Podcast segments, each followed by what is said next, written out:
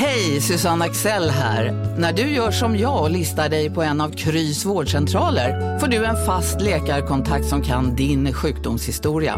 Du får träffa erfarna specialister, tillgång till lättakuten och så kan du chatta med vårdpersonalen. Så gör ditt viktigaste val idag, lista dig hos Kry. Kurrar i magen och du behöver få i dig något snabbt? Då har vi en Donken deal för dig. En chicken burger med McFeast-sås och krispig sallad för bara 15 spänn. Varmt välkommen till McDonalds.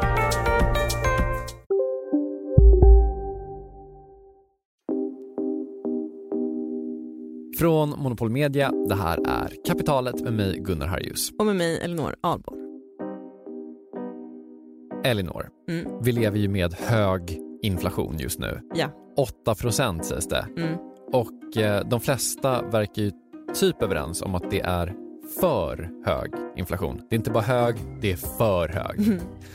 Framförallt så är det ju högre än vad vi som samhälle kommit överens om att vi ska ha för mål. Alltså målet 2% inflation. Just det, eh, det så kallade inflationsmålet Mm. som alltså är Riksbankens uppgift att eh, hålla inflationen på runt 2 Eh, Jag gissar att även en massa andra centralbanker eh, har samma mål. Så är det. Jag vet inte hur du känner, men jag känner att Sveriges inflationsmål, som idag så är 2 Mm. om man ska vara petig, så har vi ett variationsband på 1 till 3 Jag kan känna att det målet lite behandlas som en typ naturlag nästan. Mm. Det är liksom ingenting som jag tror att någon går och liksom reflekterar över, att Riksbanken skulle kunna ha ett helt annat mål. Nej, jag tror inte så många går och reflekterar över Riksbanken överhuvudtaget. Så är det såklart. Men de som ändå tänker på att Riksbanken liksom finns, tror jag ändå så här, tänker typ Riksbanken finns till för att hålla inflationen på en rimlig nivå och den rimliga nivån är naturligtvis 2 Just det, det, det bara är så. Typ Mm. som att eh, Pythagoras sats till exempel, att eh, A2 plus B2 är C2 och så bara är det och det har alltid varit så och vi har bara upptäckt att det är så vid Ja, någon precis. punkt i tiden. Ja precis, Pythagoras, upp, det var inte, han, kom, han liksom skapade inte trianglar utan han upptäckte att så förhåller sig trianglar till varandra på något Exakt, sätt. och så förhåller sig inflationen till samhället. Ja men precis. Men att i Sverige så har vi bara haft det här målet sedan 1995. Eller än en gång ska man vara petig så införde vi det 93 men det kickade in 95. I ett pressmeddelande i januari 1993 så skriver Riksbanken att citat Riksbanken preciserar målet för penningpolitiken som att förändringen i konsumentprisindex från och med 1995 begränsas till 2% Jag tror kanske att den här naturlagsvibben kring inflationsmålet, alltså, eh, den kanske är extra stark för typ dig och mig som liksom inte var vid medvetande innan den infördes. Så är det säkert. Men om inte det har framgått tydligt, inflationsmålet är ju ingen naturlag. Inflationsmålet är en uppfinning. Och som alla uppfinningar så har inflationsmålet en uppfinnare. I was the person who came up with the with the breakthrough that said, um, "Why not just target inflation? Full stop." Mannen som uppfann inflationsmålet och historien bakom det efter det här.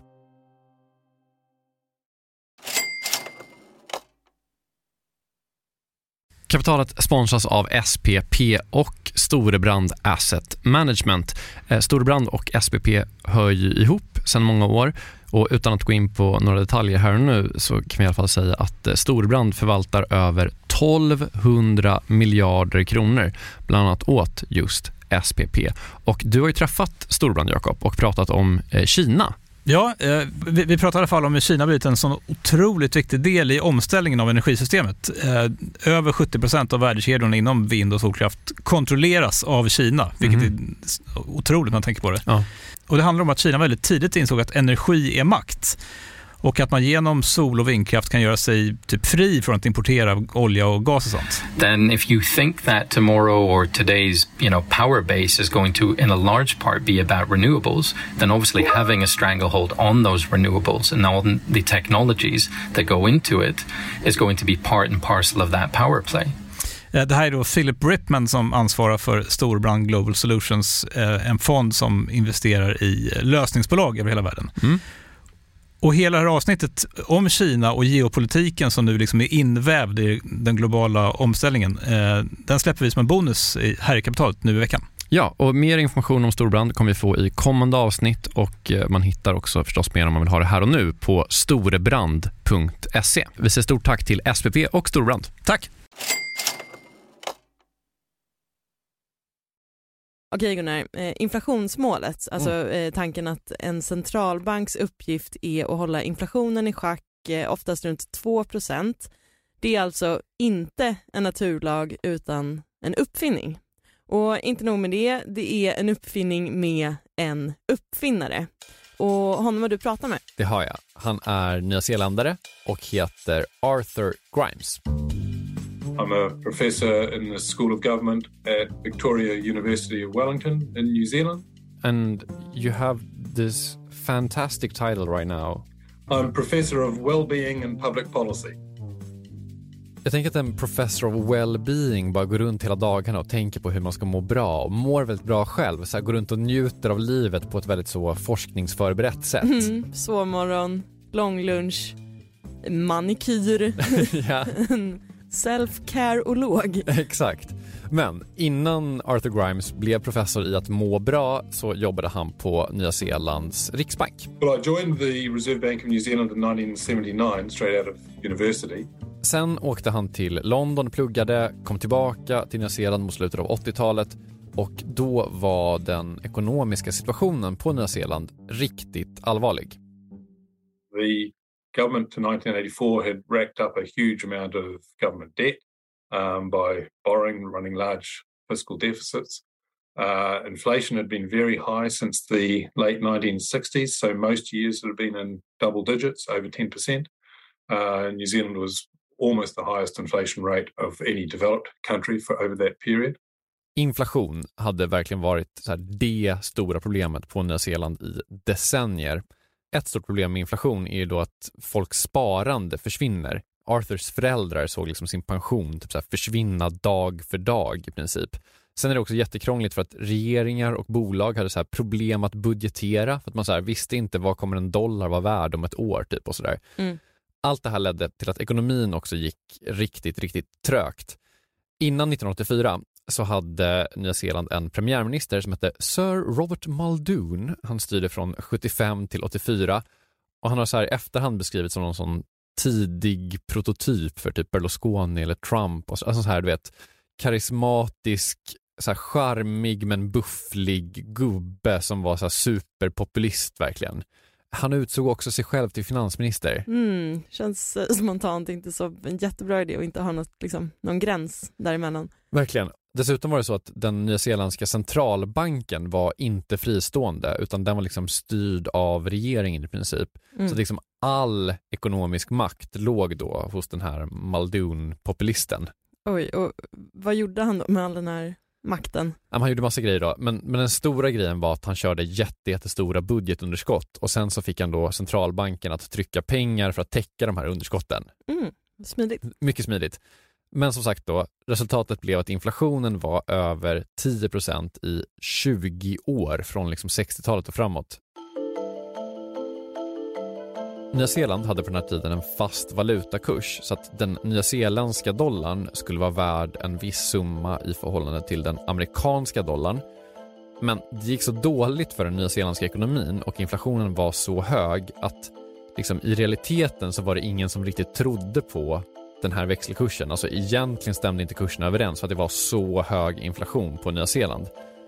Så det som hände då var att centralbanken var tvungen att typ så sälja av typ alla sina valutareserver för att då liksom upprätthålla den här valutakursen. Eh, så att de tog alltså sina amerikanska dollar och köpte nyzeeländska dollar för de pengarna och på så sätt så höll de liksom efterfrågan på nyzeeländska dollar hög nog för att behålla sin växelkurs.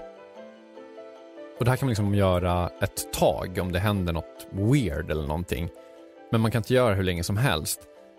Och när Robert Muldoon förlorade valet 84 till David Longy, då visade det sig att centralbankens pengar bokstavligen började ta slut. Alltså de här, det här valvet de hade med amerikanska dollar, det var nu tomt. Det pågick också en massiv valutaspekulation mot den nyzeeländska dollarn. Så liksom så privata spekulanter höll på att liksom betta på hur den nyzeeländska dollarn egentligen hade för värde och sånt där.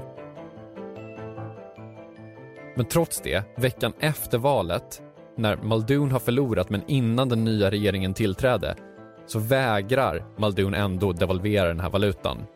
I am not going to devalue as long as I'm Minister of Finance. We will not devalue the New Zealand dollar. Nya Zeeland fick liksom stänga sina valutabörser för att inte mer pengar skulle kunna läcka ut ur landet.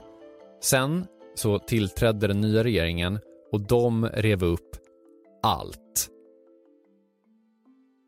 Det var liksom en historisk reform. Man släppte den nyzeeländska dollarn fri. Det var så inte längre lag på att den skulle vara värd ett visst antal amerikanska dollar.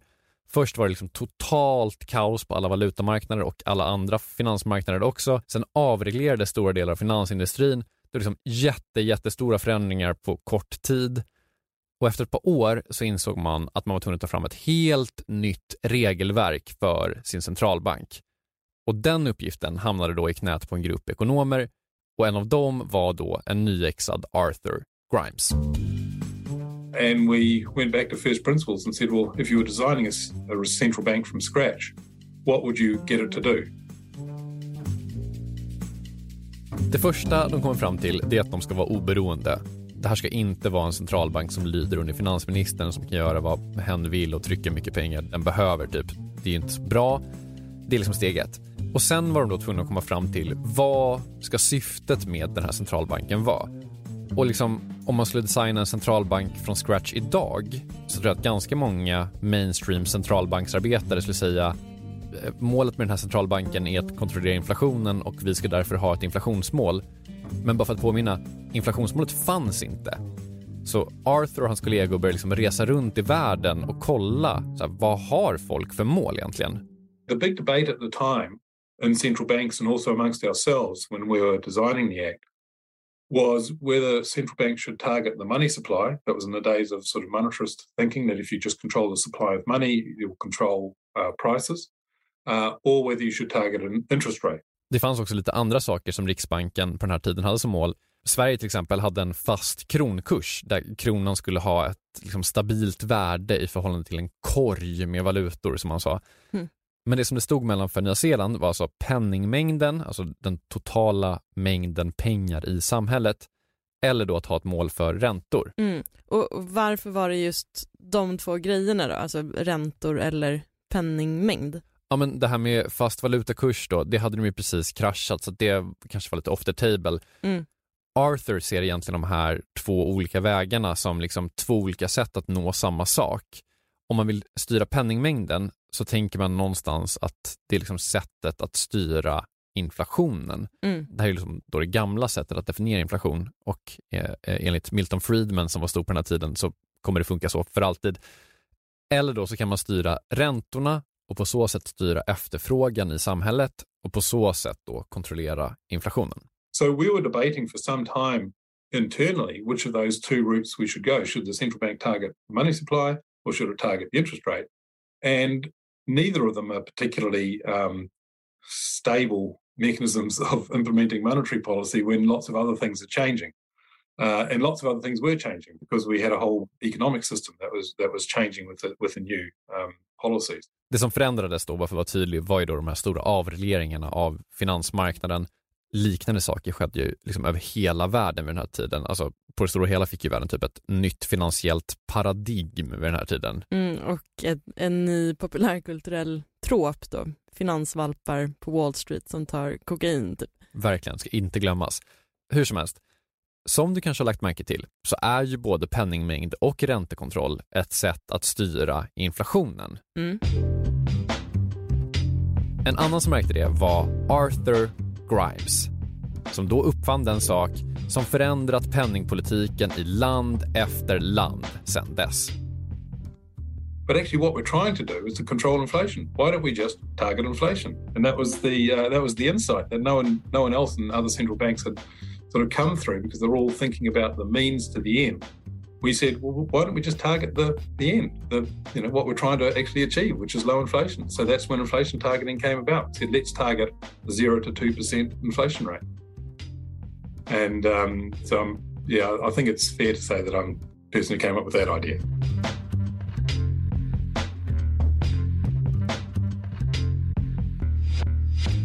Bara för att vara jättetydlig här. Det är alltså jag som i princip har tvingat Arthur till att säga att det var han som Mm. uppfann inflationsmålet. Han går inte omkring och skriker ut det så fort någon ringer. När jag ringde honom svarade han inte liksom Arthur, uppfinnare av inflationsmålet. Det var liksom inte den nivån. Hur som helst, det var han som uppfann det och vi är nu framme vid 80-talets slut. Arthur och hans eh, kollegor kommer på den, skulle jag säga, ganska catchiga sloganen “Zero to two by 92”. Mm, Snyggt. Alltså att inflationen skulle vara mellan 0 och 2 procent 1992. Sen följde liksom en jätte, jättestor övertalningskampanj på Nya Zeeland. Arthur och hans kollegor liksom åker runt och pratar med så här fackföreningar och arbetsgivarföreningar och företag och bara så här nej, nej, nej, höj inte priserna, höj inte priserna, höj inte lönerna. Vi lovar, det kommer bli 2 procent inflation. It was very difficult because people had built-in expectations that inflation would stay high because they'd had high inflation for 15 or 20 years. And if you're trying to force inflation down below what people expect it to be, then you can often get a recession. Um, and it turned out to be very difficult to get people's inflation expectations down. So we had a recession for about two years when we were doing that. det som Arthur menar är det svåra men också liksom det direkt avgörande det är att verkligen visa att så här, vi kommer göra vad som helst för att få ner den här inflationen. Det här ledde till situationer där folk hade för höga löner eller för låga löner eller att det var för höga priser satta eller liksom att företag råkade gå bort sig på olika sätt kopplat till inflationen för att så här, ingen visste vad inflationen skulle vara om ett år. Och liksom, Arthur och hans kollegor var så här, jo den kommer vara 2% den kommer vara 2% Sen så höjde man räntan massa, arbetslösheten stack iväg, man hamnade i en lågkonjunktur, det var en ganska allvarlig lågkonjunktur.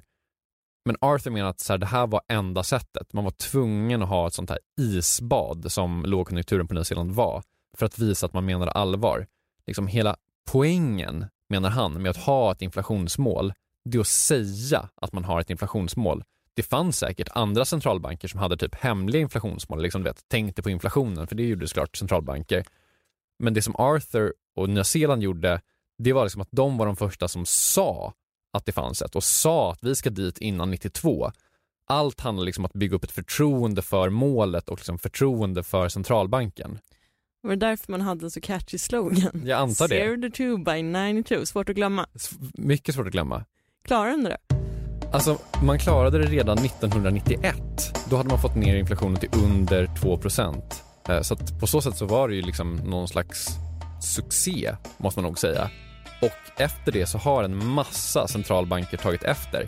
USA har ett inflationsmål, Sverige, Kanada, Storbritannien, eh, Europeiska centralbanken har ett inflationsmål.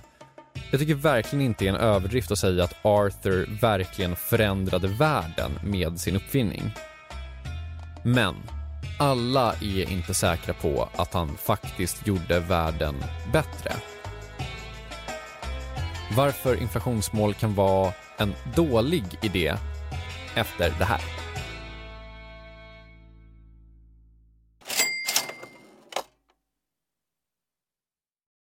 Jakob, vi har ett samarbete med Pareto Business School och det här är jag rejält nyfiken på. För Ja. att eh, eh, så här, vi jobbar ju sida vid sida, bokstavligen, sitter bredvid varandra och då och då så håller du upp ett finger och säger nu måste du vara tyst i en timme för nu ska jag eh, göra något Pareto. Exakt. Ja. Eh, Jag gillar ju att lära mig nya saker, det gör ju många journalister. Eh, Så den här våren går jag då en åtta veckor lång så kallad mini-MBA. Eh, Alltså jag hade gärna kunnat gått en riktig MBA också, men, men ja, jag har inte tiden det kräver och, och framförallt har jag ingen arbetsgivare som vill betala 800 000 för att låta mig göra det. Nej, eller kanske du har, du är ju arbetsgivaren. ja, snål, snål arbetsgivare. Mm. Det- Det är då Jens Bäckbom och Mattias Eklöf, två svenska entreprenörer som har skapat den här utbildningen just eftersom det finns ett gigantiskt hål mellan typ YouTube-filmer och en, en riktig MBA. Ja, och det här är då Pareto. Exakt, Ja. Pareto MBA. Eh, Paretos utbildning kostar cirka 25 000 kronor och, och under åtta veckor så lär man sig jättepraktiska och tillämpbara modeller för hur man startar, skalar upp, driver och säljer bolag. Eh, Jens och Mattias, eh, de håller själva i många föreläsningar. De är garvade entreprenörer båda två. Mm. Och har man så olika gästföreläsare som kom in. Mm. Typ någon kille som, som eh, var expansionschef på Spotify, någon som körde marknadsföring på Revolut, eh, en kille som driver Sveriges största campingkedja, Mm. som har varit med i kapitalet faktiskt, Okej. Johan Sör. Ja. Ja, just det. Också har varit en helt otrolig svensk eh, entreprenör som byggt massor med grejer i Vietnam. Alltså makalösa berättelser. Ja, wow. Eh, Så den här kursen består av en blandning förinspelade moment och seminarier, men man går också i då så här kohorter tillsammans med andra deltagare från Sverige och utlandet. Jättenyttigt, eh, tidseffektivt och funkar jättebra för, för den som vill driva egen verksamhet som, som typ vi gör här. Eller om man typ driver projekt och affärer i större bolag. Wow. Om man är taggad på att eh, bli en del av den här, liksom, vad ska man säga, Jakob skolan om man vill bli som dig, lära sig lika mycket som, som du har lärt dig, vad, Ja. vad gör man då? Eh, Nästa kursstart är 5 april, Eh, så vill man ta ett kliv framåt i sin utveckling eller karriären eller så, gå då till arbetsgivaren och kolla om du inte kan gå den här utbildningen. Priset ligger alltså på 2500 euro, men ni får 10% rabatt om ni anger Monopol Media som referens när ni eh, gör er anmälan. Mm. Eh, Man kan också gå in på paretoschool.com för att eh, läsa mer och ja, se lite smakprover från själva utbildningen. Då. Mm. Så att eh, man sparar jättemycket pengar för att gå Handels MBA och man sparar ytterligare pengar om man tar del av eh, Monopol Media-erbjudandet. Ja, exakt. Ja, en no-brainer som vanligt. Plus att man blir ju eh, alumnkollega med mig då. Verkligen. Så stort, stort tack till eh, Pareto Business School och eh, gå in på paretoschool.com.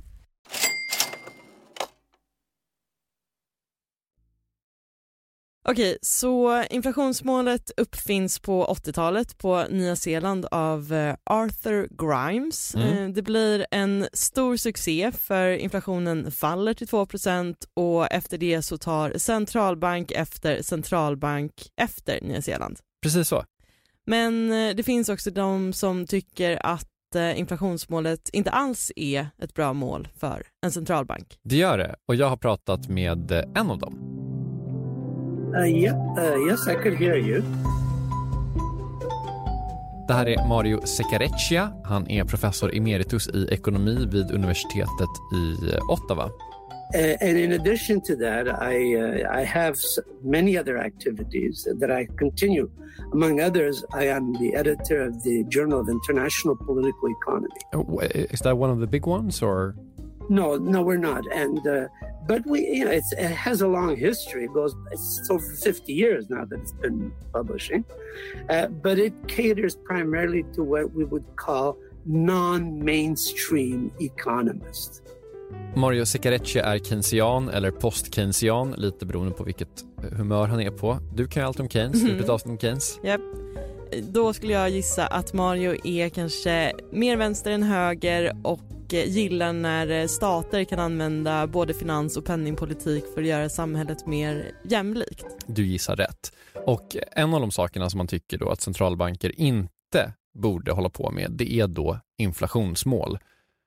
För att förstå hur vi hamnade i den här inflationsmålsvärlden så menar Mario att vi måste förstå hur centralbankerna fick ansvar för inflation till att börja med.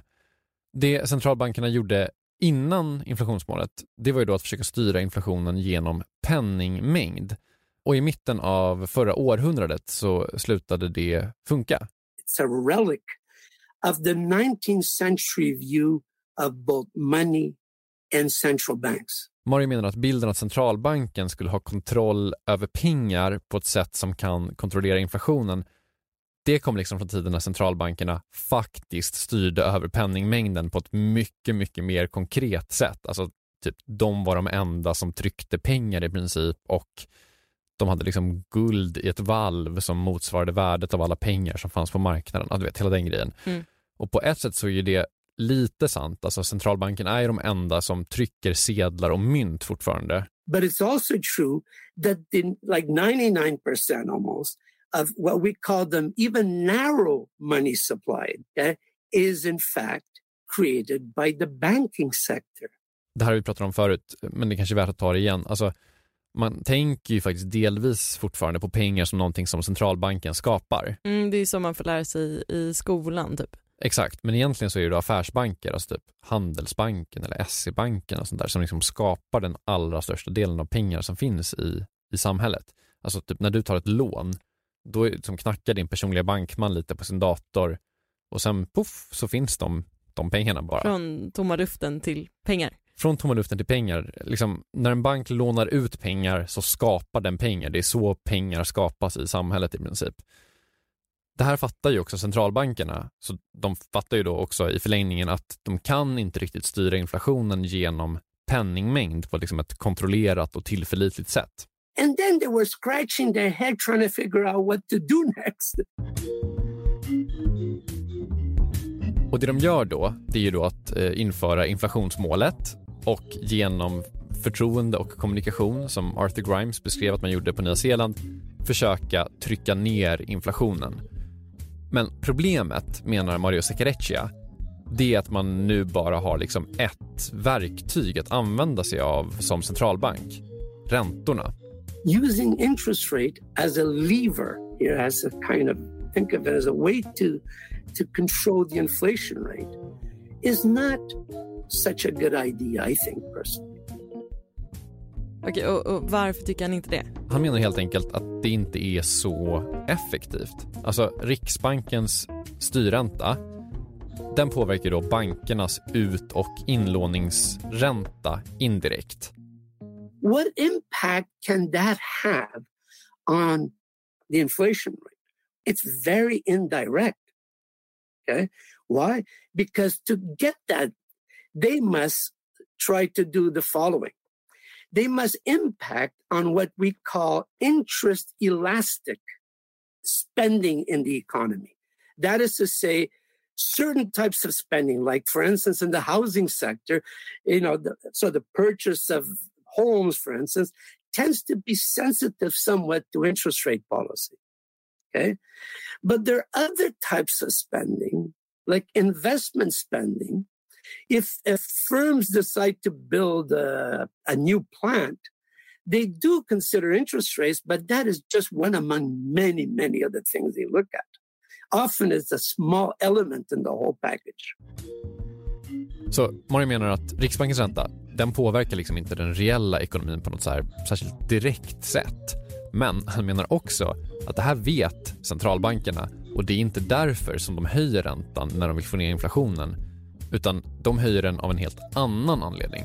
What they're trying to do at the end is they're trying to get the uh, unemployment rate up okay, in order to be able to slow down wage growth primarily. Högre räntor ger sämre förutsättningar för investeringar hos företag och om företag redan är högt belånade för att man haft låga räntor så kan de få problem och då måste de säga upp folk. Mm, och då sjunker lönerna. Och då sjunker lönerna och då sjunker inflationen.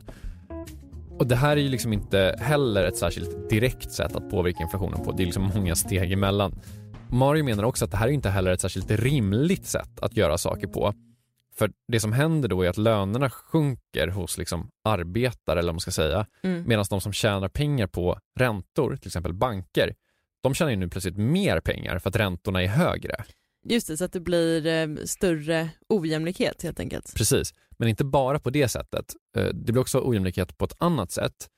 Mario tar eh, Kanada som exempel.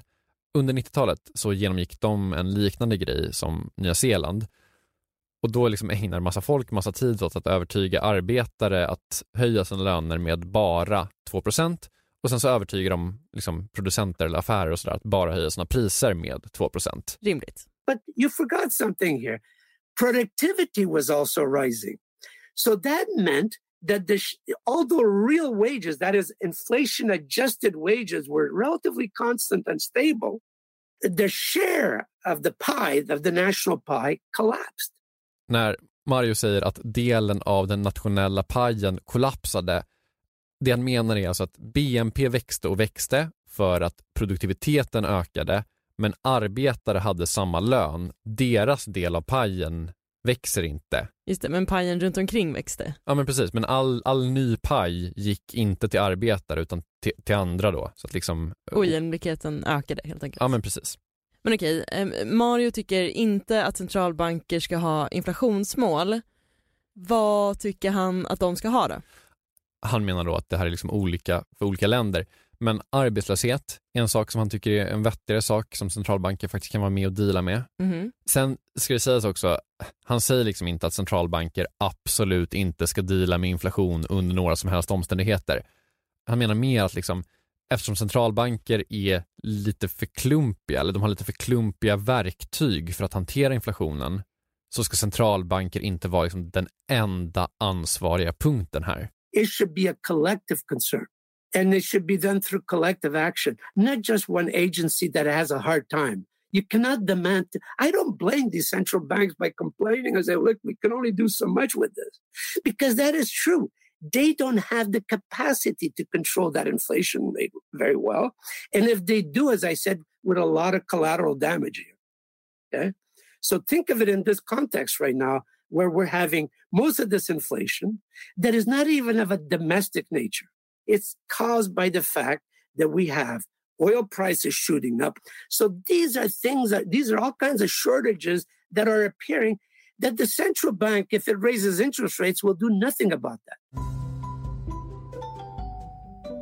Businesses, many of them, have been seeing their markups, their their shares of you know, profit here have been rising a great deal. We have some kind of almost tripartite arrangement here, some kind of cooperative solution here, which tries to inculcate in each of these players there that they must all share in that cost of dealing with the inflation rate.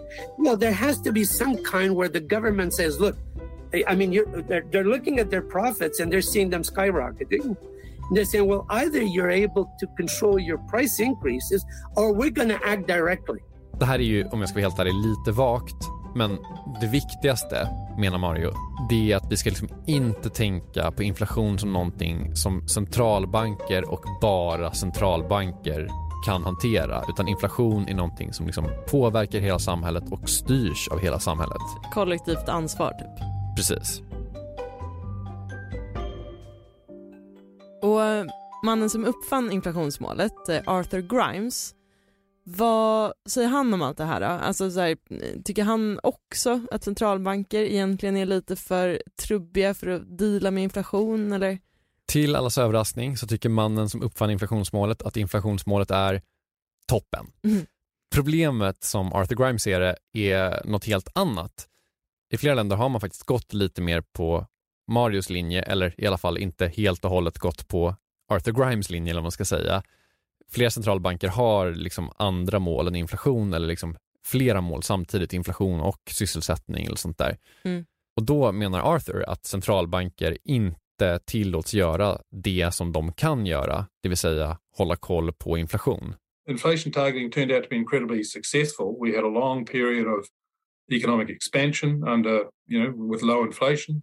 And then, uh, unfortunately, what happened is that people then thought, oh, central banks are so successful uh, with, with their inflation target. Why don't we get them to do more? Uh, and so we went, we've gone back in recent years to saying, well, central banks can do all these wonderful things because they're so successful on inflation. Let's get them to do other things as well. And of course, the result of that has been high inflation because central banks have lost their concentration on inflation.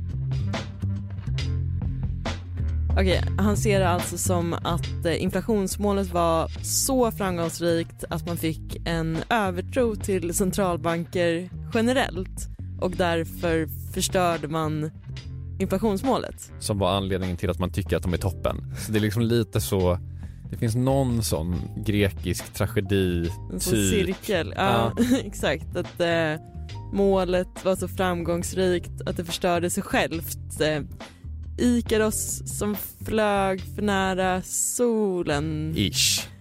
Narcissus som drunknade när han upptäckte sin egen förträfflighet.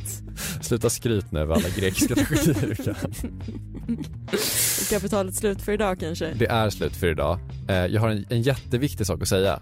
Som är att vi har ett nytt namn på Twitter, Elinor. Det har vi. Vad är det för något? Kapitalet. Så enkelt att komma ihåg. Glöm allt ni trodde att ni visste om vad vi heter på Twitter. Det vi heter på Twitter är nämligen Kapitalet och det heter vi också på Instagram. Där kan ni följa oss. Vi som gjort det här avsnittet heter Gunnar Harjus och Elinor Alborn. Marcus Marie Haldin jobbar också här. Eh, Det är också Jesper Hagenborn. Han har mixat det här avsnittet. Jakob Bursell är vår chef och ansvarige utgivare och Kapitalet är tillbaka igen om en vecka. Hej då! Hej då.